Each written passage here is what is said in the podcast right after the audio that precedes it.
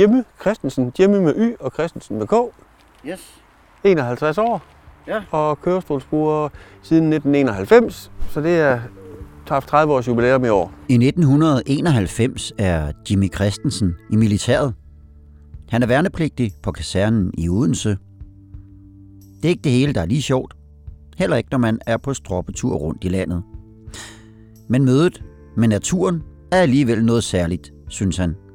Jamen det at sove ude i en sovepose og vågne inde midt i en skov og, og være der, altså omgivet, ja, altså det, det giver bare noget helt andet end at, end at vågne hjemme i sin seng. Men en fredag morgen under en øvelse går det galt. Han falder ud fra anden sal i en bygning og falder 8 meter ned. Jeg havde de tre værste skader på en menneskekrop. Kraniebrud med indre blødninger, punkterede lunger og brækket ryg. Det var i hvert fald, hvad de sagde på sygehuset. Dermed slutter værnepligten bræt for Jimmy, og et nyt liv må begynde, hvor Jimmy er lam fra livet og ned. Og det er også et liv, hvor det er svært at få naturoplevelser. Jeg har ikke været ude og sove ude i kørestol. Det har jeg sgu ikke. Men det behøver det ikke at være, hvis man tænker sig om, når man bygger sheltre, bålpladser, badebroer og andre anlæg i naturen. Altså man kunne bruge langt mere end en dag herude på at skulle udforske det hele. Og netop naturen er det, det handler om i dag.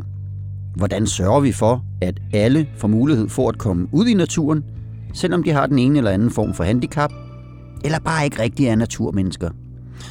Der er faktisk mange, der aldrig eller sjældent går en tur i skoven, tager på camping eller bader i en sø. For det er simpelthen bare for besværligt. Så hvordan sørger vi for at åbne naturen for så mange danskere som muligt, og hvad kan de gøre for vores glæde ved livet og vores helbred?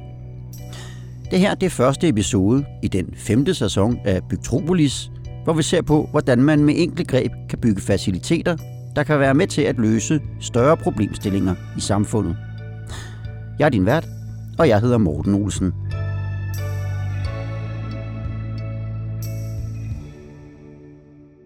Og jeg er kravlet indenfor i mit lune radiostudie sammen med dig, Camilla Ryl. Hej Camilla. Hej. Hvem er du?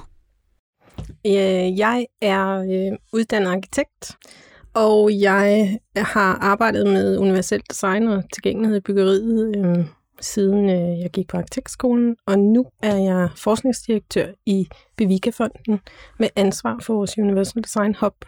Og hvordan er muligheden så for at komme ud i naturen, hvis man for eksempel som Jimmy her har et, øh, et handicap?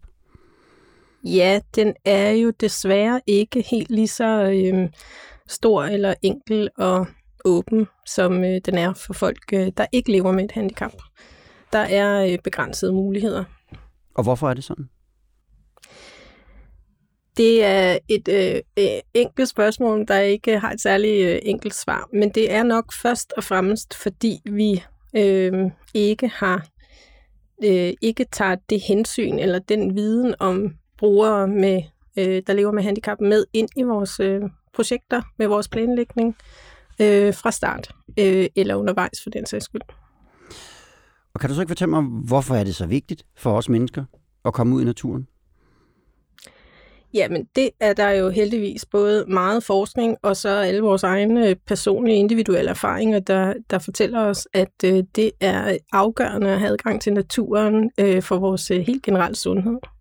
For vores fysiske, mentale, emotionelle sundhed, så har vi alle sammen brug for at være i naturen, have adgang til den, mm. og, øh, og være der. Ikke bare være der alene, men også være der sammen med mennesker, som betyder noget for os. Naturen er afgørende og betydningsfuld for vores sundhed. Jeg har været ude og møde Jimmy Christensen, som vi hørte om her i indledningen. Vi var ude i naturen sammen på Troldhedestien ved Kolding. Den løber inden fra Kolding by ved det, der hedder Marienlundskoven. Og så bugter den sig ellers forbi skove og søer, langs marker og enge, i 10 km ud til det, der hedder Dybvedbro station. Og faktisk lidt længere. Og det er her, jeg var ude med Jimmy Christensen. Ved den gamle stationsbygning, på en grussti, med skov og store træer på den ene side, og åbne enge med et moseområde på den anden. Og i det fjerne, bag en mindre bakketop, kunne man se endnu en skov. Nå her, lige her. Og Lige så, her, hvor ja. vi går, har der simpelthen været en jernbanestation. Ja, og så har de kunne sidde og vente ligesom. Ja, Så øh, der er sådan en forhøjning lige foran os. Det har måske været perronen ja. Ja. i en græsplæne. Jo, Ja, så vi står midt på skinnerne. ja faktisk. Åbenbart. Men øh, nu er det jo sådan et skønt naturområde. Rigtig lækkert. Ja. Jeg har ikke været ret meget herude. Vi kan lige gå lidt videre, mens vi taler om det. Ja. Hvordan er det generelt som kørestolsbruger at, at skulle ud i naturen? Altså, hvad, hvad giver det af udfordringer? Altså, det er jo underlaget at køre på, der, der, er, den, der er den største udfordring, når man Mm. mm. kommer ud på de stier, eller, eller ikke, og der er der også nogle, nogle steder, man må sige nej til at, til at gå med. Man kan jo heller ikke gå direkte ind gennem skoven. Altså, der, skal, det, der er jo, det skal være på en sti som den her. Du kan se, underlaget er jo fint at køre i her. Ja. Altså, de store hjul kan jo ligesom køre på alt, hvor det er Mm. de små der. Lige så der der er ja. for humplet eller, eller brosten. Det, der er det jo de små dernede, der, der ja, ja, for at sige det på godt just træls at køre på. Men hvad, sådan noget som, at, at der er en parkeringsplads i nærheden, hvad betyder det for dig? Jamen helt meget. Ja. Fordi at, at, at den der med at jamen, få parkeret og komme ud med liften og alle de der ting, altså det ville jo ikke være, jeg ville ikke kunne holde for eksempel, hvis jeg skulle, hvis der kun var den sti ind, så, Mm. så ville jeg jo spære stien, hvis jeg skulle være her, altså så skulle jeg holde ud på den store vej. Camilla, nu sidder Jimmy her jo i kørestol, så det er selv sagt udfordrende for ham øh, at komme ud i naturen. Men da jeg talte med dig, inden vi gik i gang her, der fortalte du mig om en undersøgelse, der viser, at omkring 30 procent, de selv mener, at de har en eller anden form for funktionsnedsættelse. Det lyder lidt voldsomt, synes jeg. Hvad, hvad dækker det over? Jamen, det dækker over øh, en, den sådan helt generelle brede forståelse af, hvad en funktionsnedsættelse er. Øh, og det er et højt tal, men det er også et reelt tal. Så tallet dækker over, at 30 procent af den danske befolkning lever med et selvrapporteret funktionsnedsættelse eller handicap.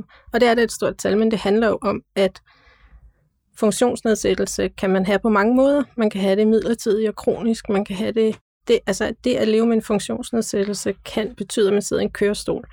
Men det kan i lige så høj grad betyde, at man har svært ved at se, at man bliver hurtigt meget træt, at man har svært ved at holde balancen, at man har svært ved at huske, orientere sig, svært ved at høre.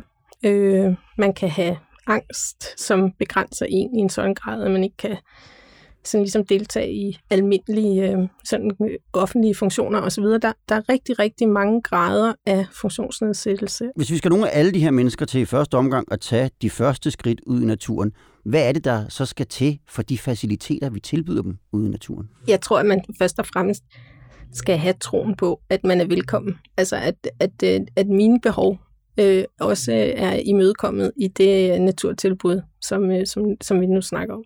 Jimmy her snakker jo om, at han har brug for et underlag, øh, som, som hjælper hans kørestol øh, enkelt og klart frem, så han ikke sidder fast. Og, og, øh, og, og der er områder i skoven, for eksempel, han godt ved, han ikke kan komme til. Men man kan også øh, gå med stok, eller man kan have nogle andre hjælpemidler, som betyder, hvis man har udfordringer på balancen, som gør, at man måske godt kan have komme ind lidt længere ind i den utæmmede natur. Øh, så, så, så det væsentlige er sådan set, at der er mange forskellige måder at kunne få adgang til naturen på, at bruge naturen og opholde sig i naturen. Mm. Og kan du gode, give nogle gode eksempler på, på, på nogle anlæg eller, eller faciliteter, du kender til, hvor man har, har lavet nogle gode løsninger?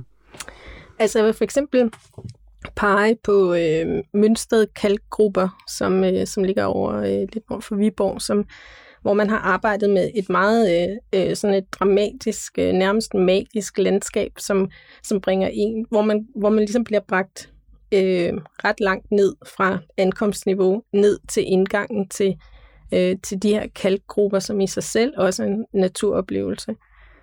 Øh, men, men vejen ned gennem det her landskab, øh, det er både kørestolstilgængeligt, øh, men det er også tilrettelagt, så det er let at finde vej, hvis man øh, har svært ved at se. Det er logisk anlagt, så hvis du har svært ved at orientere dig, så øh, kan du også finde vej.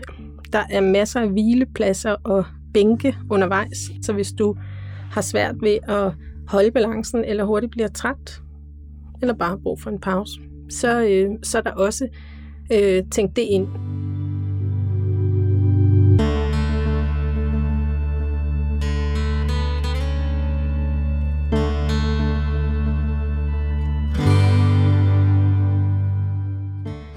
Jeg vil gerne lige vende tilbage til Dybvadbro station på Troldhedstien ved Kolding. For grunden til, at vi valgte at tage derud, det er, at der er lavet nogle øh, sprit nye shelter, men også andre faciliteter, der blev taget i brug her i foråret. Og de giver andre muligheder for at slå sig ned for natten, end man måske er vant til.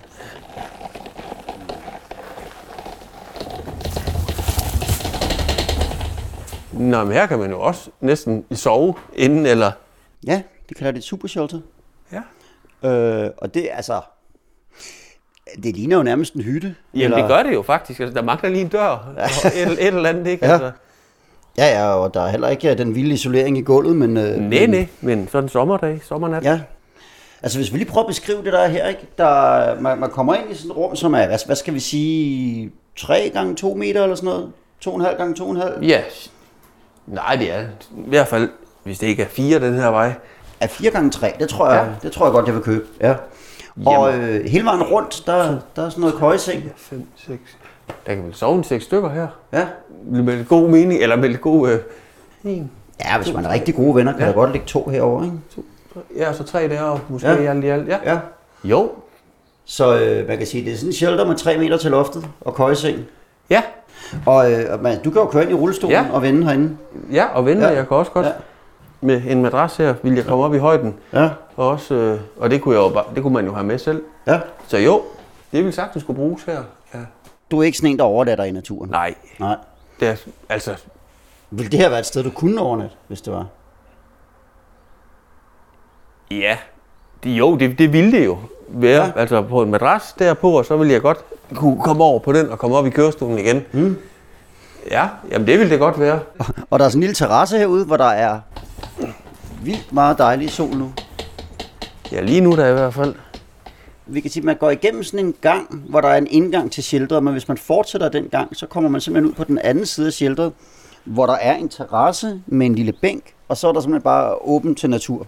Fuldstændig. Midt inde i en skov, eller midt inde i en, ja, i en busk sidder du her. Og ingen vind og høj solskin. Der skal nok være 30 grader her. Mm. Og lidt fuglesang. Ja, også det. Men øh, altså her kunne man da godt lige sidde og nyde en kold øl, kunne man Ja, ikke det? det skal jeg da love for, at, at, at det er et lækkert sted, det her. Camilla, vi hører her om, at man ligesom har fornyet shelteret. Faktisk så meget, at Jimmy tænker, at her der kunne han da faktisk godt tage ud og sove i naturen. En ting, jeg især lægger mærke til her, det er, at det er et shelter, man ikke skal kravle op i. Det er et, man kan rulle ind i. Hvad tænker du om det? Ja, jeg synes, det er jo helt genialt.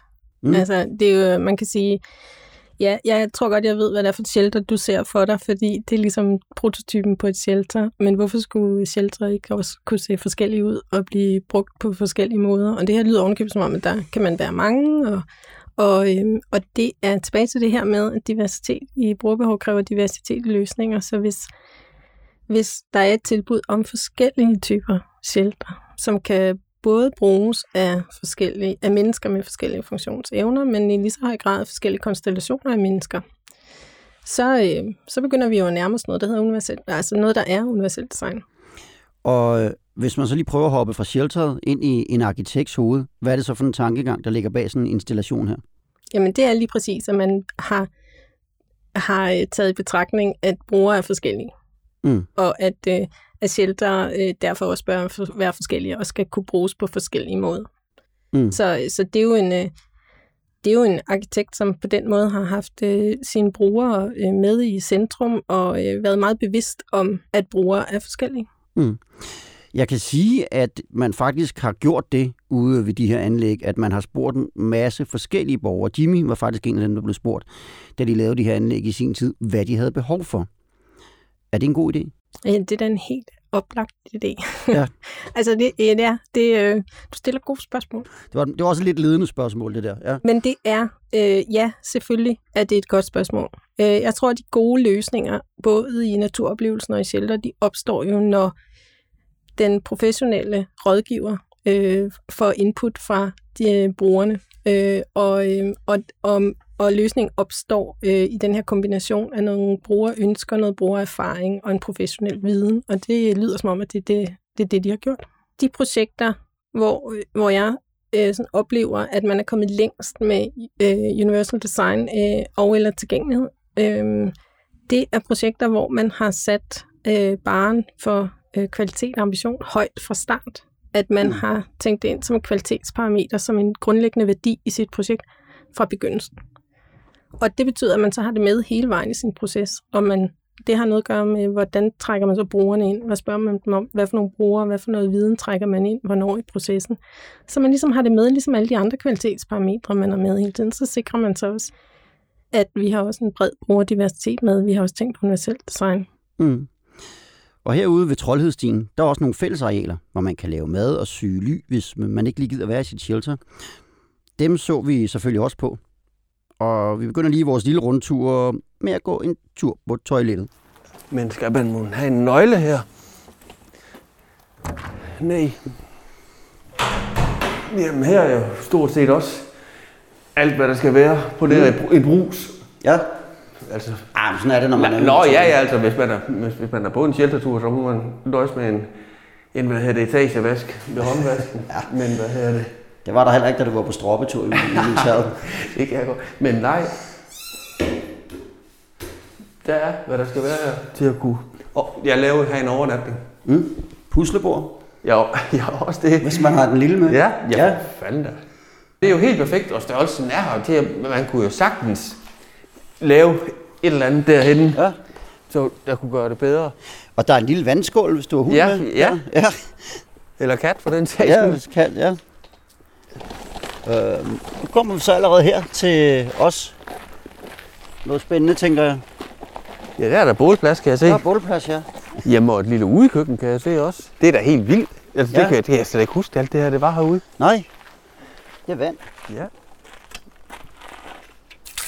Yes, Så kom det, det skal jeg da love for. der er godt blæs på. Ja, det. Ja. Men øh, ja, det ligner jo nærmest en køkken herinde. Ja. Jamen, jeg Ja, nu fik jeg også plads af mig selv til. Det var Ja. godt. var der. Der var ikke grill på terrassen der, nej. Nej, det var der ikke. Nej. Nej, det er som om, at øh, det er lidt af bygget, så man kommer hinanden ved. Hvis man Ja. skal ud og lave mad, så må man mødes herop ved samlingsstedet, ikke? Det her, det er bare sådan en lille lys. Ja, madpakkehuset kalder de det også. Ja, okay. Jamen, ja, men det er der også. Der, sig. ja. Der er sådan en, øh, sådan en, en kæmpe stor trustbox her, hvor man kan købe brænde. Der ligger stadig et par poser. ja. Et fiskenet. Er der også det derinde? Ja, skal vi tage det med? Det kunne da være meget sjovt, når man sad og fangede haletusser nede ved, ved Svanesøen og sådan noget, jeg kan huske. Ja, Altså, hvis jeg var herude med min søn, så havde vi nok haft vores eget med. Men øh, Ja. ja. ellers havde han i hvert fald insisteret på at tage det med. Så det synes jeg, vi skal gøre. Camilla, Mm. har du øh, nogensinde sovet i shelter eller sådan ude i fri natur? Ja, det har jeg. Ja. Hvad synes du om det? Øh, Jeg har, øh, jeg har mest gjort det som barn og ung, Mm. mm. øh, og har rigtig mange gode minder om det. Øh, om frihedsfølelsen og det improviserede, og det, det at være i nuet og være i naturen. Mm. Ved man noget om, om bedre faciliteter, det er så noget, der rent faktisk så får folk til at, at, at søge ud i naturen? Altså, vi ved, at, at jo, øh, jo større viden øh, den enkelte bruger har om, om, hvad det er for nogle faciliteter, der venter derude. Altså tilbage til det spørgsmål, du har stillet mig før. Hvad skal der til? Det at kunne planlægge, det at vide, hvor kan jeg parkere? Hvor langt er der fra parkeringen hen til der, hvor jeg kan øh, slå mig ned? Øh, og hvad er der af toilet- og badefaciliteter eller så videre? Det, det, øh, det, det øger da absolut sandsynligheden for, at den enkelte bruger, familie eller venneflok kommer ud i naturen. Så der er også, øh, der er også en formidlingsopgave at gøre, altså hvor man viser, at hey, der er faktisk nogle muligheder, som gør, at øh, det er ret lige til det her. Altså ja, jeg tænker, i, i forhold til al øh, tilgængelighed og universelt design, om det er natur, øh, adgang til naturen, eller adgang til offentlige bygninger, eller offentlig transport, så ved vi, at muligheden for at få viden, information om, hvordan øh, hvad tilgængeligheden er, der hvor man skal hen, den er, den er betydningsfuld. Altså den har stor betydning for, om man så også drager afsted. Og det er jo fordi, hvis for, for gruppen af mennesker, som lever med et handicap, så øh, er det ikke måske, eller det kan godt være, at det går lidt andet, eller jeg kan være lidt med. En, det, den manglende tilgængelighed kan jo lige præcis betyde, at man overhovedet ikke kan være med, og man må tage hjem igen. Mm. Nu talte vi også lidt om fællesarealerne. De er lagt sådan, at øh, når man bruger dem, så møder man også andre mennesker. kan naturen være sådan et oplagt mødested, hvor vi møder folk, der er helt anderledes end os selv? Ja, altså man kan sige, øh, som så mange andre arenaer, så det, når vi møder folk i andre mennesker i naturen, så er det vel øh, så er det, det, vi har til fælles. Det er vores interesse og lyst til at være i naturen, og derfra så kan vi jo være vidt forskellige. Øh, så, så naturen er ligesom så mange andre arenaer en mulighed for at være en del af et fællesskab og, øh, og møde andre mennesker og være sammen med mennesker, man ellers ikke ville møde. Men først og fremmest også at være en del af et fællesskab. Vi øh, hopper videre på vores lille rundtur på Troldhedstien, fordi nu kommer vi over på en form for stisystem. Det er vist det, man kalder et boardwalk, der er lavet ud over det, som jeg med mine øh, øh, skal vi sige, begrænsede øh, viden om natur vil kalde en mose. Og nu kommer vi da rigtig ud i, i sumpen. Kan du lige beskrive, hvad det er for en underlag, vi har her? Jamen, øh, hvad er det? Hvad er de 15 cm brede træplader, mm. og de er fine at køre på. Det er, hvad hedder det, rillerne imellem dem mm. er ikke sådan, at hjulene ryger ned i, så det, det er behageligt at køre på i en kørestol, hvor, hvor hvis, det, hvis det havde været større mellemrum, hvor man kunne sige, at man havde skulle spare på det, eller et eller andet, jamen så havde det været, så havde jeg jo kørt ned i nu, ikke, og var, mm. var røgen i der. Nå ja, det er rigtigt, når du kører på den led af den, Ja. ja og skal dreje her. Også det, men det vil også give meget mere ujævn kørsel. Ja. Der er jo sådan en kant, som Ja. vi ikke kan køre ud over. Og jeg ved ikke, om en blind, for eksempel, vi kunne bruge den som... Øh, Nej, nu har vi jo faktisk en, Ja, ja, det har stok. en stok med her, ja. så du kan prøve at lukke øjnene og gå og slå på den der. Altså, Ja, ja. ja, nej, men, men om, om, Det er jeg ikke sikker på, at jeg tør. Nej, det vil jeg heller ikke ture, men, men, men det er et spørgsmål, om en blind er, ville kunne bruge det. Mm, det tænker jeg. Her skal du bare se, du. Nøj. Jamen, og så lige det vejr her, ikke? Altså, det er jo helt vildt. Jamen, selv på en regnværsdag Ja. vil det jo være... Ja, vi er jo gået ud og- under, over sådan noget, hvad skal vi kalde det? Sump, mose, et eller andet. Ja. Så her, hvor vi står nu, inde på den, hvad kan man kalde det, terrasse, veranda, der er ved det her øh, å-shelter, der er vi simpelthen omringet af siv, der er dunhammer og, og alt muligt. Altså, nu kan du se taget af de der tre shelter. Ja. Men du, du, du kan ikke, altså... Og så kan man se Dybadbro station. Jeg synes, det er vildt godt lavet. Ja. På en eller anden måde, det der med, at man ikke... At det skæmmer ikke. Fordi at man kan sige, hvis, hvis, hvis du nede i Marienlundskoven eller herude skulle lave noget asfalt, fordi en kørestolsbrug skulle kunne køre hele vejen derind, Mm. det, vil, det, det vil jeg synes ville hæmme naturen. Altså det, det, vil, det vil jeg være ked af.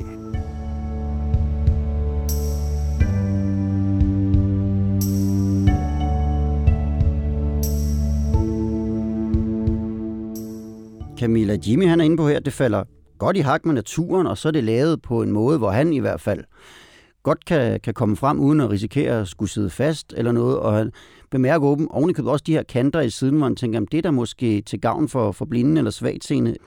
Og inde på Kolding Kommunes hjemmeside, der står der om troldhedstien, at den øh, er lavet i respekt for den eksisterende natur. Er det vigtigt, når man prøver at, at lave sådan noget her, for at få folk til at bruge det? Ja, ja. Ja.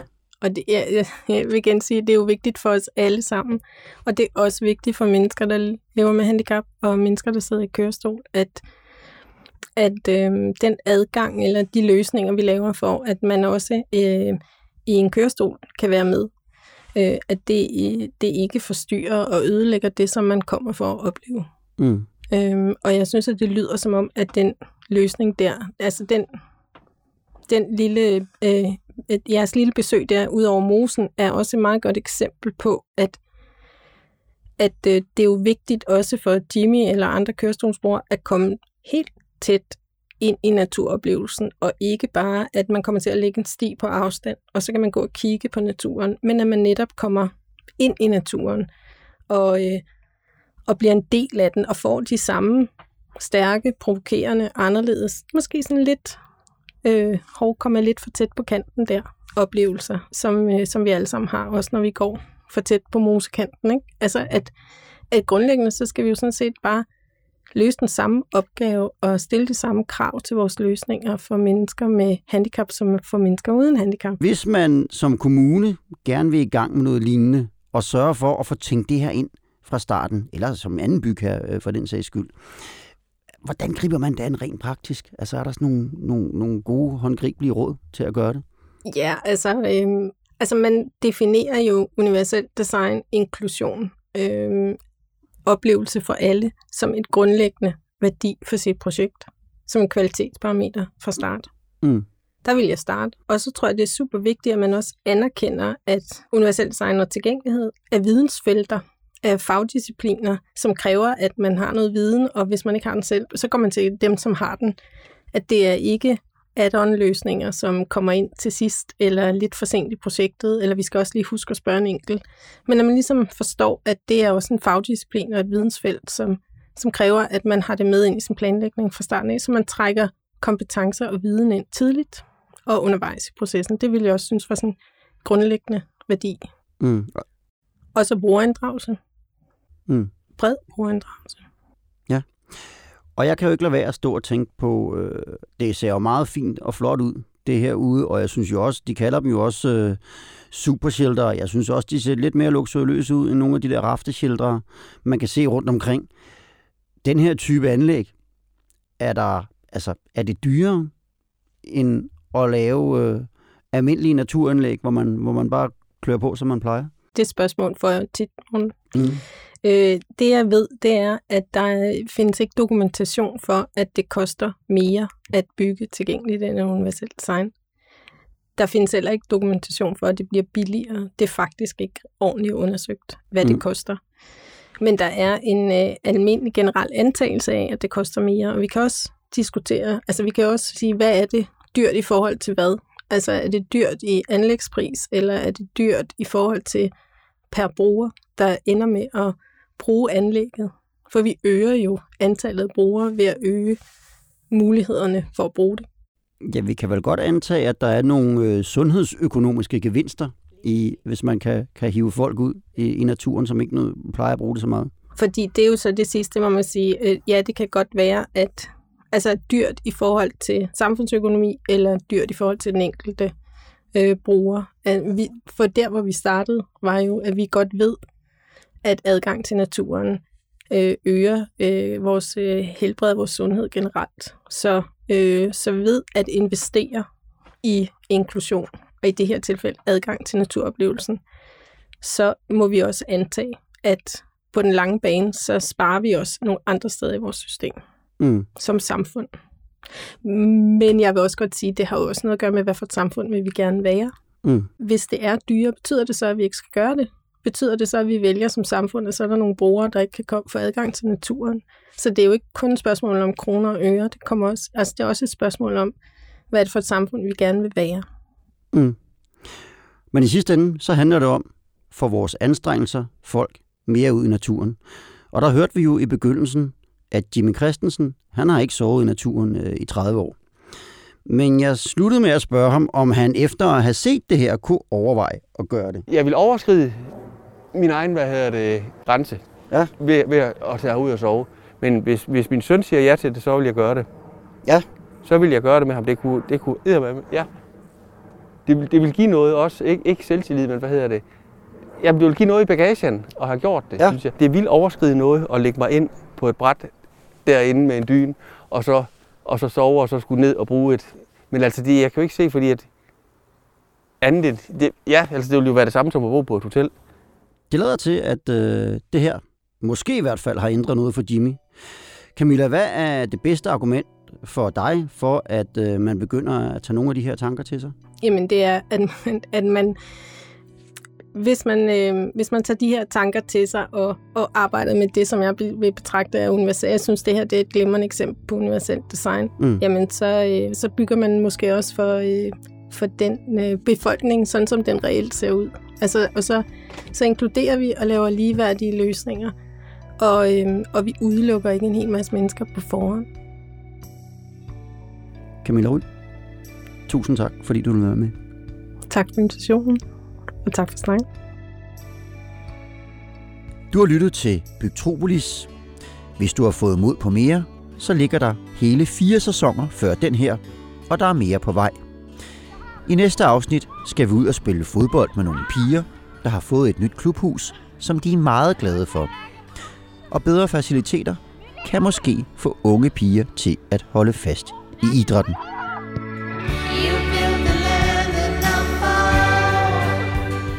Podcasten Metropolis er produceret af Morten Olsen og Munk Studios i samarbejde med Bark Rådgivning og med støtte fra Lokale- og Anlægsfonden og Grundejernes Investeringsfond. Musikken er komponeret og produceret af Martin Grønne, og Mathias Hav stod for lyddesign.